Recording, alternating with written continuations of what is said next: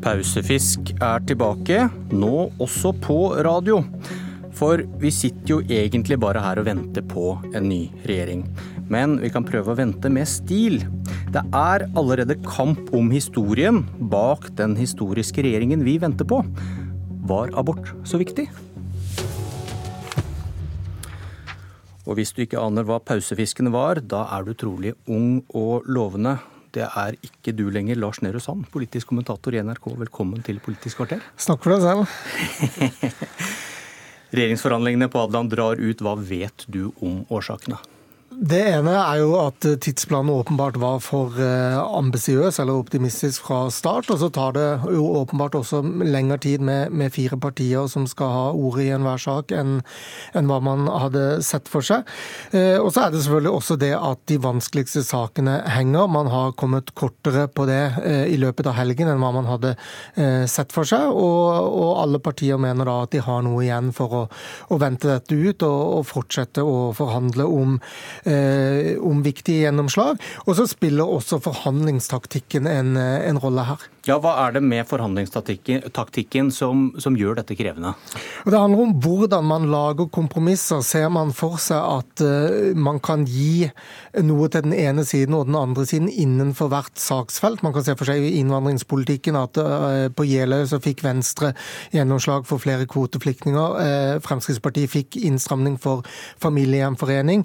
Der er det ikke så mye å hente på noen av sidene nå. Og hvis man da skal begynne å deale innvandringspolitikk mot andre andre gjennomslag, eh, så, er det straks en veldig mye mer vanskelig øvelse for alle partiene. fordi da setter man ulike velgergrupper til hvert parti opp mot hverandre, og partiene må da eh, tenke annerledes rundt eh, gjennomslag. og Det er også en prosess som tar lengre tid enn å lage enkle kompromisser saksfelt for saksfelt, selv om man også vil gjøre det, selvfølgelig. Og hvis Solberg, Jensen, Skei Grande og Ropstad blir enige om en politisk plattform, er det gitt at de da får et ja fra sine partier også? Det er jo ikke gitt, men det bør det jo være. Altså, de bør jo ha gjort en god nok forankring tidlig nok til å vite at dette går igjennom. Så er det klart Både i Kristelig Folkeparti og i, Venstre, nei, og i Fremskrittspartiet så er det stor interesse knytta til hvor mange blanke stemmer det vil være, eller hvordan det vil bli tatt imot på annen måte utover en, en høflig applaus. Eh, og, og, sikkert et flertall til slutt for, eh, for plattformen. Men, men det er åpenbart mer spennende i år enn det var på Sundvolden og på Jeløya. Og så skriver Dagbladet i dag at det kommer et krav om skriftlig hemmelig votering i FrPs landsstyre når de skal si ja eller nei. Og hvordan kan det påvirke resultatet? Eh, det kan jo påvirke sånn at terskelen for å, stemme blankt eller stemme nei til, til den inngåtte eh, plattformen er Eh, lavere enn det ville være hvis det er håndsopprekning. Man skal jo ikke lenger tilbake enn til gruppemøtet til Fremskrittspartiet før jul, hvor de skulle godkjenne budsjettavtalen, før det ble et tema at, at terskelen for å, å, si nei var, var lavere enn den har vært ved de andre budsjettavtalene disse fire partiene har forhandlet frem seg imellom. Og Det er jo forhandlerne smertelig klar over i forhandlingsrommet, at behovet for tydelig gjennomslag, men også at nederlag nederlagene ikke er for store, at det er spiselig, at eh, Venstre får viktige klimaseire som er målbare, at eh, Fremskrittspartiet beviselig får en strammere innvandringspolitikk, eh, at Kristelig Folkeparti får nok for abort, på rus- og alkoholpolitikk, men også på de litt mindre typiske Kristelig Folkeparti-sakene, vil noen si, som distriktspolitikk, landbrukspolitikk og pausefiskeripolitikk. Hva skjer hvis et parti sier nei? Nei, Da må man jo enten gå videre til forhandlingsrommet for en ny runde, eller så er jo eh, de kalde fakta slik at det er tre av partiene som sitter i en regjering, og et parti som ikke gjør det. Du, Per-Willy Amundsen, han kunne ikke stille i Politisk kvarter i dag. FrPs stortingsrepresentant og tidligere justisminister har fått voldsomme reaksjoner etter sitt utspill på TV 2 om barnevern. Den bør begrenses for familier som ikke er etnisk norske. I går sa Hareide at han trodde at dette var et tema rundt eh, forhandlingsbordet. Er det en vanskelig sak å håndtere for de fire partilederne som prøver å bli enige?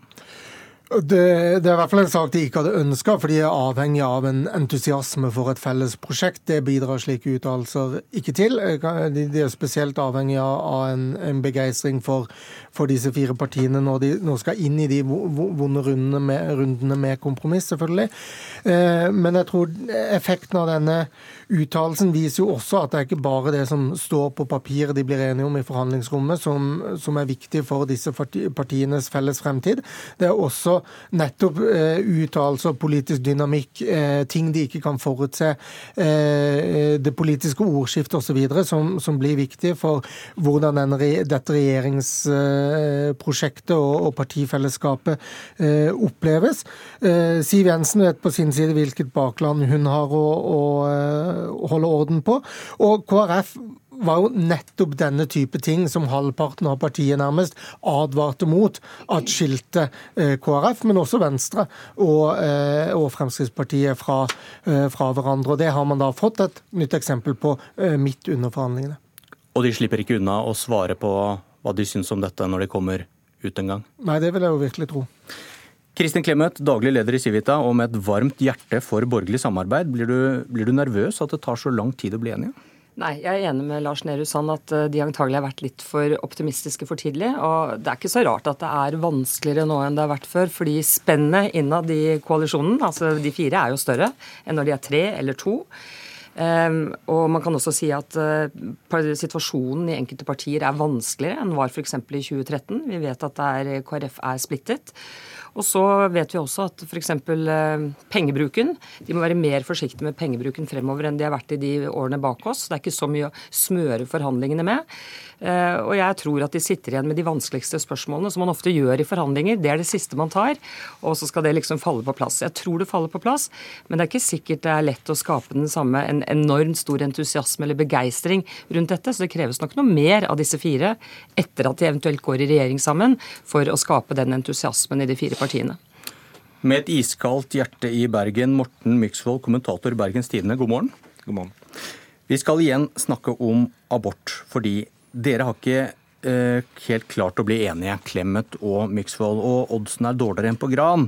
Eh, hvor viktig var abortsaken og utsiktene til å få endret den for at KrF valgte høyresiden i norsk politikk? Og Myksvold, for å starte med deg, hvorfor er det viktig hvem av dere som har rett? Hvorfor kan ikke dette bare være vann under brua? det, det, er vanskelig å vite hvem som har rett, sånn, hva som faktisk vipper det over til, til blå sida i, i, KrF. Men det som jeg mener er veldig viktig å få fram, er at abort var dominerende i eh, det retningsvalget KrF gjorde. Det var tema på hvert eneste fylkesårsmøte. Det var tema på landsmøtet. Det var sentralt i landsmøtetalen til Kjell Ingolf Ropstad. Han har omtalt det som en historisk mulighet til å endre abortloven hvis en samarbeider med høyresida ikke venstresida. Eh, og når vi ser det forhandlingsresultatet, eller det eventuelle resultatet for Granevolden, så er det viktig å tolke et eventuelt gjennomslag eller manglende gjennomslag opp mot hvor viktig KrF så på dette her i prosessen fram mot retningsvalget. For hvis de eh, bygde opp veldig store forventninger innad i partiet til gjennomslag på abortloven, og så får de det ikke, eh, så er det viktig. Får de det, så viser det òg eh, tilbake igjen til retningsvalget og, og, og den debatten der. Hva var det du reagerte på ved det Clemet hevdet? Først og fremst at, eh, at hun hevda det var mediedrevet, kommentatordrevet. At det var en gjeng med kommentatorer som var uenige med KrF, som hadde gjort abort til en stor sak. Det var organisasjonen Menneskeverd som, som tok opp saken. Kjell Ingolf Ropstad fulgte opp. Eh, og så kobla Erna Solberg seg på med en respons som virkelig fikk begeistringen eh, opp i, i KrF. Og så er det jo naturlig at når noen foreslår å rokke ved paragraf 2c eller andre deler av abortloven, at det blir en voldsom debatt om det.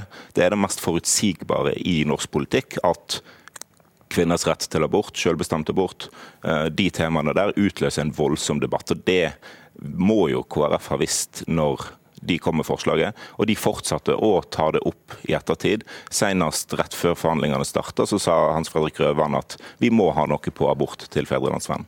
Clemet, hva svarer du? Nei, Jeg er helt enig i at abort eh, var viktig, og er viktig for KrF. Det jeg uttrykte meg om, det var at jeg mente at enkelte kommentatorer i eftertid har eh, vært for skråsikre når de har fremhevet eh, endringer i abortloven, og særlig endringer i paragraf 2c, som det som avgjorde utfallet på Kristelig Folkepartis landsmøte. For det første så kan man jo ikke vite det sikkert, det kommer vi ikke til å finne ut i denne debatten heller, for da må man jo granske sjel og, og, hva det skal være hos alle som har deltatt i prosessen.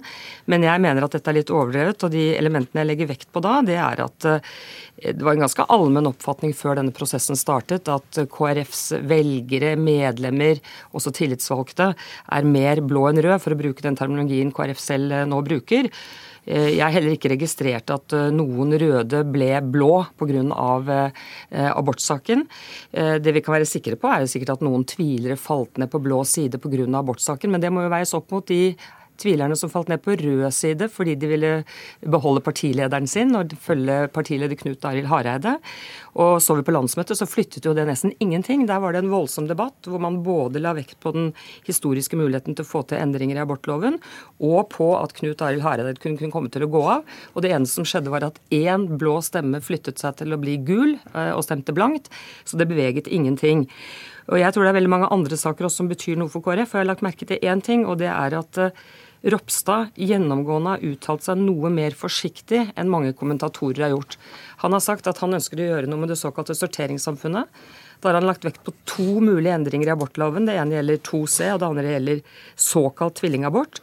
Så har han vært opptatt av å forebygge svangerskap. Eh, og abort, så har han vært hjelp, opptatt av å hjelpe familier med barn som har spesielle behov. Og så er de også opptatt av bioteknologiloven, som er beslektet. Og jeg tror det som betyr noe for KrF, for å avslutte der, det er at de samlet sett får en pakke der som er tilfredsstillende, og som er bedre sett med deres øyne enn de ville ha fått med rød side. Et av poengene, et av poengene Myksvold, hvis, hvis du har rett, debatten om abort og 2C kan ha vært avgjørende. Hviler ikke det på et premiss om at KrF ikke hadde et blått flertall i utgangspunktet? At noen må ha byttet side? Nei, altså jeg tror at hvis, eh, hvis, det hadde vært en uravstemning i KrF eh, i stedet for en landsmøtebehandling, så hadde det blitt mer blått flertall der enn på landsmøtet. Men blå side, sånn som jeg oppfatter det, kjemper i oppoverbakke etter eh, Knut Arild Hareides landsstyretale, der han annonserte at han ville gå til Arbeiderpartiet. Det var noen rolige uker etter det landsstyremøtet der Ropstad hadde annonsert at han var uenig, men inntrykket er at de sleit med å samle seg.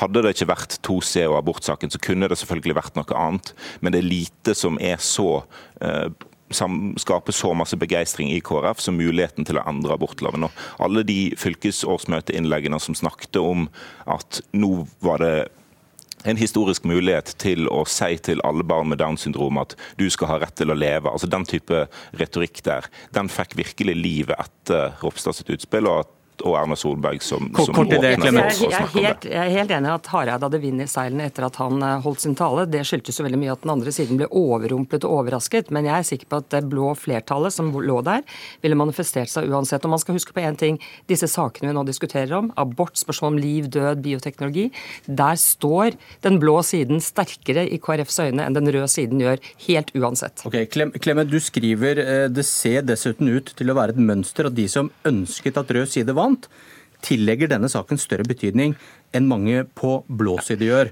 Eh, og du har jo da, som vi vet, har et varmt hjerte for borgerlig samarbeid, og du kan jo da mistenkes for å ha en interesse av å hevde at saken ikke var så viktig. Du føyer deg inn i det mønsteret du selv her beskriver. Helt riktig, så det er en viss fare for at jeg er en del av det mønsteret. Men det har vært en del av dette mønsteret eh, i hele prosessen. At man har bedømt prosessen litt ut fra hvilket ståsted man har, og hva man har ønsket av utfall. Det gjelder praktisk talt alle som har deltatt, enten man er kommentatorer eller har vært del, delaktig i prosessen. Og man kan ikke være helt sikker på om man, øh, om man ikke er litt farget av eget syn når man øh, bedømmer det. Men dette er min beste vurdering, og jeg er ikke den eneste som har denne vurderingen. Men, men det er et lite mønster der. Det gjelder selvfølgelig ikke alle. Men, eh, men eh, det har hele prosessen vært preget av. Lars Nehru Sand, hvordan vurderer du abortsakens betydning for det veivalget KrF tok? Jeg har heller ikke snakka med noen eh, rød som ble blå som følge av, av denne saken alene. Og, men, men, jeg er enig med, med ja, begge to for så vidt i at man ikke må undervurdere den effekten det var eh, som mobiliserende og samlende sak for blå side etter å ha blitt eh, tatt på senga. Det er en unik sak hvor, som er vanskelig for rød side å matche. og når Ropstad gjorde det det til en duell mellom Solberg og, og Støre, så, så hadde dette en stor effekt. Vi venter. Hører dere der oppe på Hadeland? Takk for at dere ventet sammen med oss i et politisk kvarter. Kristin Clemet, Morten Myksvold og Lars Nehru Sand. Jeg heter Bjørn Myklebust.